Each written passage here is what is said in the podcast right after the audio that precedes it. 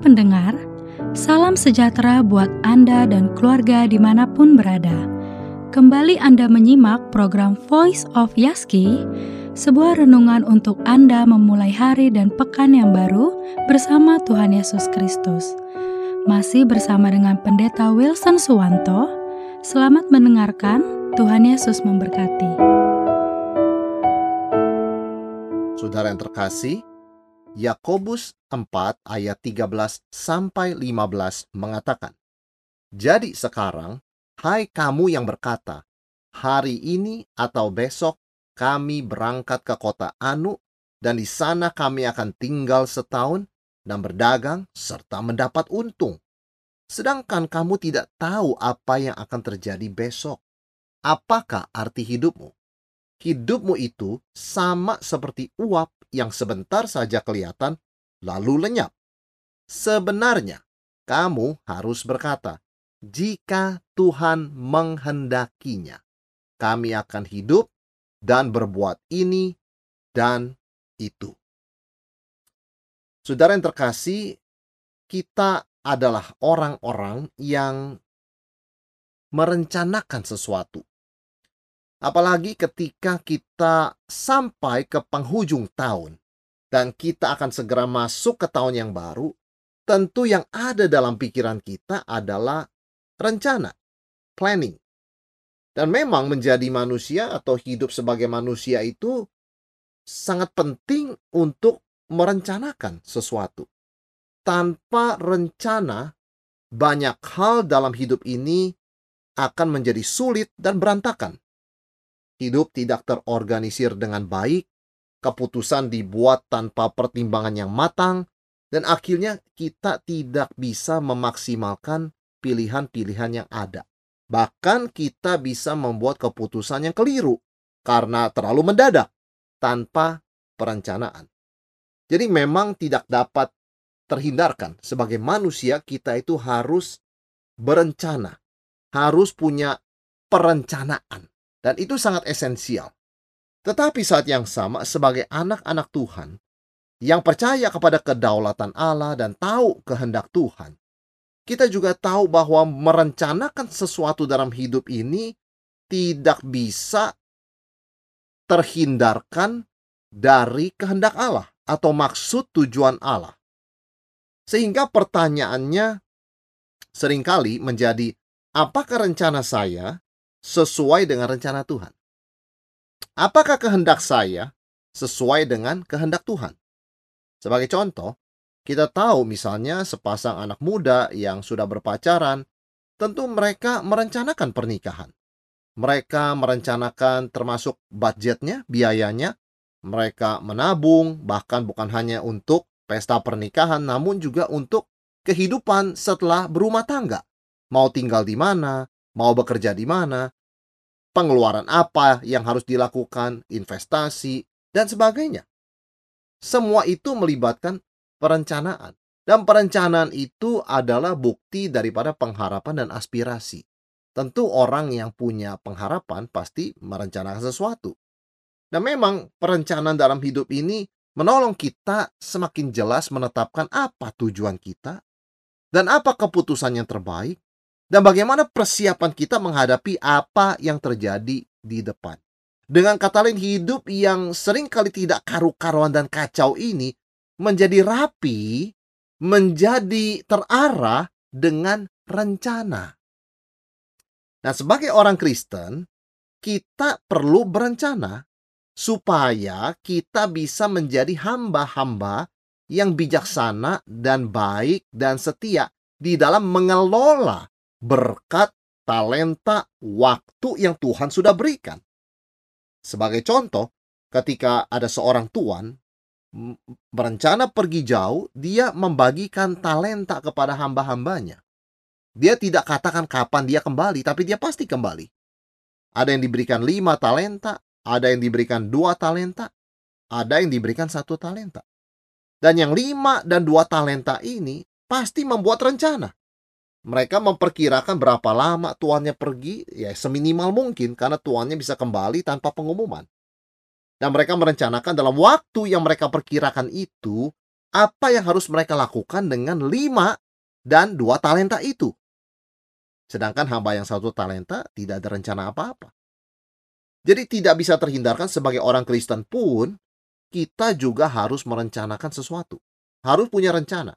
Tanpa rencana, kita akan menyia-nyiakan talenta yang Tuhan berikan. Kita diberikan dua, diberikan lima, diberikan sepuluh sekalipun, itu akan hanya kita kubur tanpa rencana.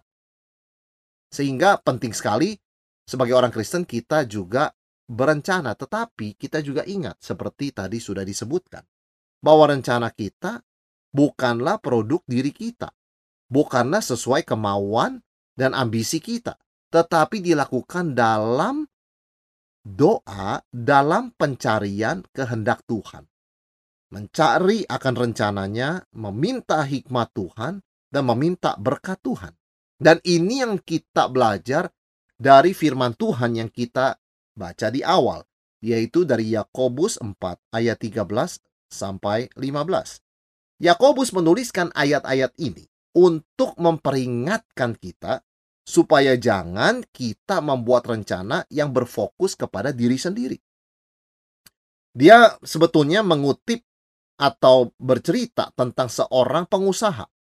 Seorang pengusaha yang merencanakan bahwa tahun depan uh, dia akan pindah ke satu tempat, berdagang di sana, mungkin karena ada banyak peminat untuk barang dagangannya, dan mencari untung. Jadi dia hanya menilai untung sukses berdasarkan keuntungan harta, keuntungan materi secara pribadi dan secara kerja keras dia. Hanya itu saja. Dan firman Tuhan mengingatkan kita, ada orang yang di dalam perumpamaan Yesus itu hidupnya seperti itu. Itu adalah orang kaya yang bodoh. Yang hanya menilai kesuksesan hidup dari sudut harta yang dikumpulkannya dan kerja kerasnya. Tetapi tidak ada apa-apa di hadapan Tuhan. Dia tidak kaya di hadapan Tuhan. Nah ini yang disebut dengan perencanaan yang berpusat pada diri sendiri. Yaitu mengabaikan Tuhan, tidak melibatkan Tuhan, dan berfokus semata-mata hanya kepada keinginan dan ambisi kita pribadi. Nah, lalu apa mengapa hal ini adalah keliru khususnya untuk orang Kristen sebagai anak-anak Tuhan? Yakobus mengingatkan kita akan dua hal. Yang pertama, hidup itu tidak pasti. Tidak ada kepastian dalam hidup ini. Kita boleh merencanakan yang terbaik. Dan sering kali kita merencanakan sesuatu seolah-olah sudah digaransi pasti akan terjadi. Tetapi pada faktanya, hidup ini penuh dengan ketidakpastian. Tidak bisa diprediksi. Bahkan rencana kita yang paling baik dan paling teliti dan detail sekalipun bisa rusak semuanya. Itu yang pertama, Yakobus ingatkan. Hidup itu tidak pasti. Yang kedua dia ingatkan, hidup itu singkat kondisi eksistensi kita ini diumpamakan seperti uap. Ya kelihatan, tetapi sangat cepat. Cepat ya, kelihatan kemudian lenyap entah ke mana. Dan singkatnya hidup ini semakin menyadarkan kita betapa betapa lemahnya sebetulnya eh, pengejaran kita akan rencana, keinginan dan cita-cita kita. Sehingga apa yang harus kita lakukan sebagai orang Kristen? Karena sebagai orang Kristen kita toh tetap harus merencanakan sesuatu.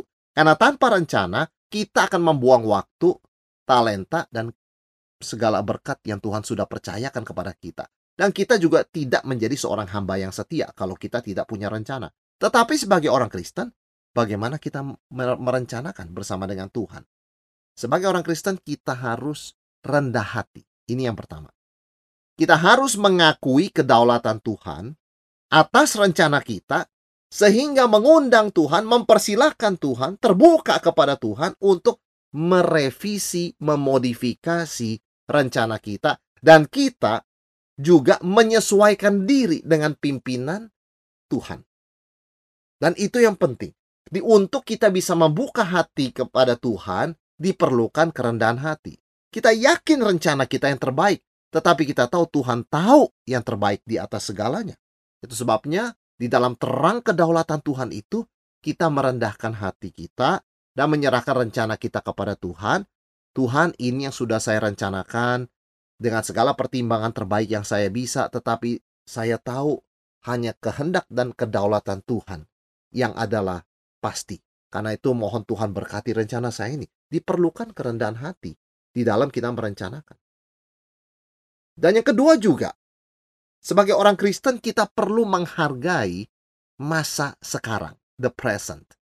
Di dalam ayat yang kita baca dalam surat Yakobus tadi, seorang pengusaha ini hanya berorientasi kepada future, masa depan.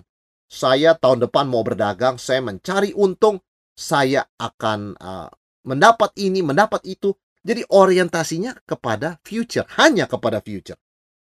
Sebagai orang Kristen, kita bukan hanya memikirkan future, tapi kita juga menghargai masa kini. Kita tahu tanggung jawab kita sekarang. Kita tahu berkat Tuhan sekarang sehingga kita belajar bersyukur untuk apa yang Tuhan sudah berikan, Bukan semata-mata hanya melihat kepada apa yang belum kita punya dan mau kita kejar. Dan yang kedua, ketika kita menghargai masa kini, kita juga boleh ingat tanggung jawab kita sekarang. Ada orang yang karena rencana masa depannya mengabaikan semua kewajibannya sekarang. Sebagai contoh, ada seorang pegawai yang kerja di satu perusahaan sampai akhir tahun. Tetapi dia sudah digaransi mendapatkan pekerjaan di perusahaan yang lebih baik, yang lebih besar, di tahun berikutnya. Maka dalam seminggu terakhir sebetulnya masih ada kewajiban dia bekerja sampai akhir bulan, akhir tahun, dia sudah tidak masuk kerja lagi karena dia sudah mendapat kepastian kerja di tempat lain. Itu adalah sikap yang keliru. Berfokus kepada masa depan, mengabaikan kewajiban sekarang. Itu berarti sebetulnya orang tersebut tidak melibatkan Tuhan dalam perencanaannya. Dia hanya semata-mata punya impian dan ambisi tetapi dia lupa bahwa Tuhan juga tetap memanggil dia setia untuk masa sekarang. Tidak. Dia hanya fokus pada masa depan. Dia abaikan tanggung jawab panggilan Tuhan pada masa kini. Dan itu problemnya. Sebagai orang Kristen, kita jangan sampai diperbudak oleh masa depan demikian. Karena yang terjadi kalau sampai demikian bukanlah rencana Tuhan, kehendak Tuhan, tetapi ambisi dan impian kita semata-mata. Dan itu keliru karena berarti kita mengabaikan Tuhan. Nah berikutnya, di dalam terang, di dalam konteks singkatnya hidup ini dan ketidakpastian dalam hidup ini, kita sebagai orang Kristen juga harus sungguh-sungguh mencari kehendak Tuhan. Karena kita tahu hanya kehendak Tuhan yang terpenting, yang punya nilai kekal, dan terbaik. Itu sebabnya sedapat mungkin kita mau mendekatkan segala impian, rencana, eh, bahkan ambisi kita tuh dengan kehendak Tuhan. Bagaimana caranya? Ya kita kita berdoa, kita membuka hati untuk Tuhan, kita dengar-dengaran akan firman Tuhan, kita sungguh-sungguh serius melihat prinsip-prinsip kebenaran dalam firman Tuhan dan kita ini serius juga mengaplikasikan prinsip tersebut di dalam kehidupan kita sehari-hari. Dan itu yang membuat dan memampukan kita boleh berjalan di dalam rencana dan kehendak Tuhan. Kita tahu bahwa kita selalu berada dalam bahaya kehidupan yang berpusat pada diri sendiri atau egosentrik. Kita terlalu menikmati sesuatu, menikmati waktu, berkat, dan diri kita ini sehingga kita lupa Tuhan. Dan ketika Tuhan dilupakan dan dikesampingkan, kita tahu manifestasinya atau wujudnya. Yaitu kita tidak mau lagi rendah hati tunduk kepada kedaulatan Tuhan. Bukannya kita sengaja melawan Tuhan secara terbuka, kita secara lahiriah masih orang Kristen yang baik, ke gereja, melayani, tetapi kita mengabaikan ketuhanan Yesus atas hidup kita. Kita secara pasif mengatakan secara tidak langsung, Tuhan tidak perlulah ikut campur dalam hidup saya sekarang ini sebab saya sedang menikmati waktu saya. Nah itu kita harus hindari. Dan itu akibat kalau kita berpusat pada diri sendiri. Dan tentunya kita melihat bahaya yang kedua ketika kita berpusat pada diri sendiri adalah overconfidence. Terlalu yakin dalam rencana kita. Dan kita tahu dalam kehidupan ini, overconfidence dalam apa pun juga akan menuntun kepada kegagalan. Kita lihat seorang atlet yang terlalu overconfident kepada kemampuannya dan meremehkan lawannya kalah di luar dugaan meskipun dia pemain yang berranking melawan pemain yang tidak berranking dia bisa kalah dan itu sebab dia mengatakan setelah pertandingan, dia sedih, dia mengatakan saya overconfident. Dan ketika kita berpusat kepada diri sendiri, overconfident itu justru yang merupakan bentuk kesombongan. Nah, itu awal dari kejatuhan. Nah, itu sebabnya kita harus secara sungguh-sungguh dan aktif mencari kehendak Tuhan di dalam perencanaan kita. Inilah bagaimana kita bisa menghindari jebakan perencanaannya egosentrik atau berpusat pada diri sendiri. Dan ini tentu uh, akan berpengaruh di dalam berbagai aspek kehidupan dan keputusan-keputusan besar yang akan kita buat. Yaitu kerinduan kita adalah Tuhan supaya rencana-rencana keputusan-keputusan saya ini sesuai dengan maksud dan tujuan Tuhan. Dan itu yang menjadi kerinduan kita. Karena kita tahu kita tidak tahu hari esok, bahkan hari ini pun kita tidak tahu 100%. Kita tidak bisa mengontrol besok. Hari ini pun tidak bisa kita kontrol sepenuhnya. Dan itu yang yang kita mau ingat. Sehingga jangan sampai kita berpikir kita bisa mengontrol masa depan. Tidak bisa, saudara sekalian. Tidak bisa diprediksi masa depan. Bahkan setelah konsep pikiran bahwa kita bisa mengontrol masa depan tanpa Tuhan, tiba-tiba kita punya konsep bahwa seluruh kesuksesan kita ini berasal dari kepintaran usaha kita dan bukan anugerah Tuhan. Nah, firman Tuhan khususnya dalam tulisan Rasul Paulus mengingatkan kita, kita tidak boleh bermegah di dalam diri kita, tapi hanya di dalam Tuhan. Di dalam bersandar kepada Dia yang tahu segala sesuatu, yang tidak pernah gagal, yang adalah Tuhan di atas segala sesuatu dan Raja yang berkuasa atas alam semesta.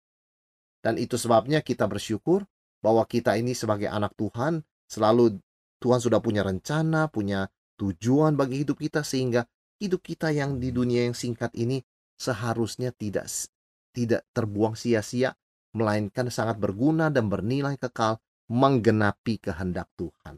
Dan artinya kita perlu terbuka kepada campur tangan Tuhan di dalam perencanaan kita, di dalam tahun untuk tahun yang depan, dan juga di dalam tanggung jawab kita untuk masa kini, di dalam hari-hari yang tersisa, di dalam tahun yang lama ini. Memang sebagai manusia kita harus merencanakan, dan juga sebagai orang Kristen, kita harus berencana agar kita tidak menyia-nyiakan waktu, talenta, dan kesempatan yang Tuhan berikan. Tetapi, kita harus menghindari jebakan perencanaan yang egosentrik atau berpusat pada diri sendiri. Kita harus merencanakan segala sesuatu bersama dengan Tuhan dengan pikiran dan hati yang terbuka kepada pimpinan Tuhan yang dinamis, kedaulatan Tuhan yang memutuskan yang terbaik di dalam hidup kita. Dan iman kita harus terus kepada Tuhan dan kepada kehendaknya dan kepada tujuannya yang tidak pernah gagal dan kepada rencananya yang selalu merupakan rencana rancangan damai sejahtera bagi kita dan bukan rancangan kecelakaan. Dan dengan itu, dengan sukacita dan damai dan kerendahan hati, kita boleh tunduk kepada kehendaknya, sehingga hidup yang singkat dan tidak bisa diprediksi ini menjadi hidup yang dapat kita nikmati dengan sukacita dan damai dalam kita berjalan bersama dengan Tuhan. Dan hidup di dalam kehendak dan tujuannya. Demikian tadi Voice of Yaski bersama Pendeta Wilson Suwanto. Anda bisa kembali mendengarkan episode kali ini melalui Spotify Voice of Yaski atau Anda juga dapat mendengarkan, membagikan, bahkan mengunduh episode-episode Voice of Yaski lainnya melalui podcast Yaski di podcast.yaski.co.id. Terima kasih sudah mendengarkan. Salam sehat selalu, dan Tuhan Yesus memelihara Anda dan keluarga.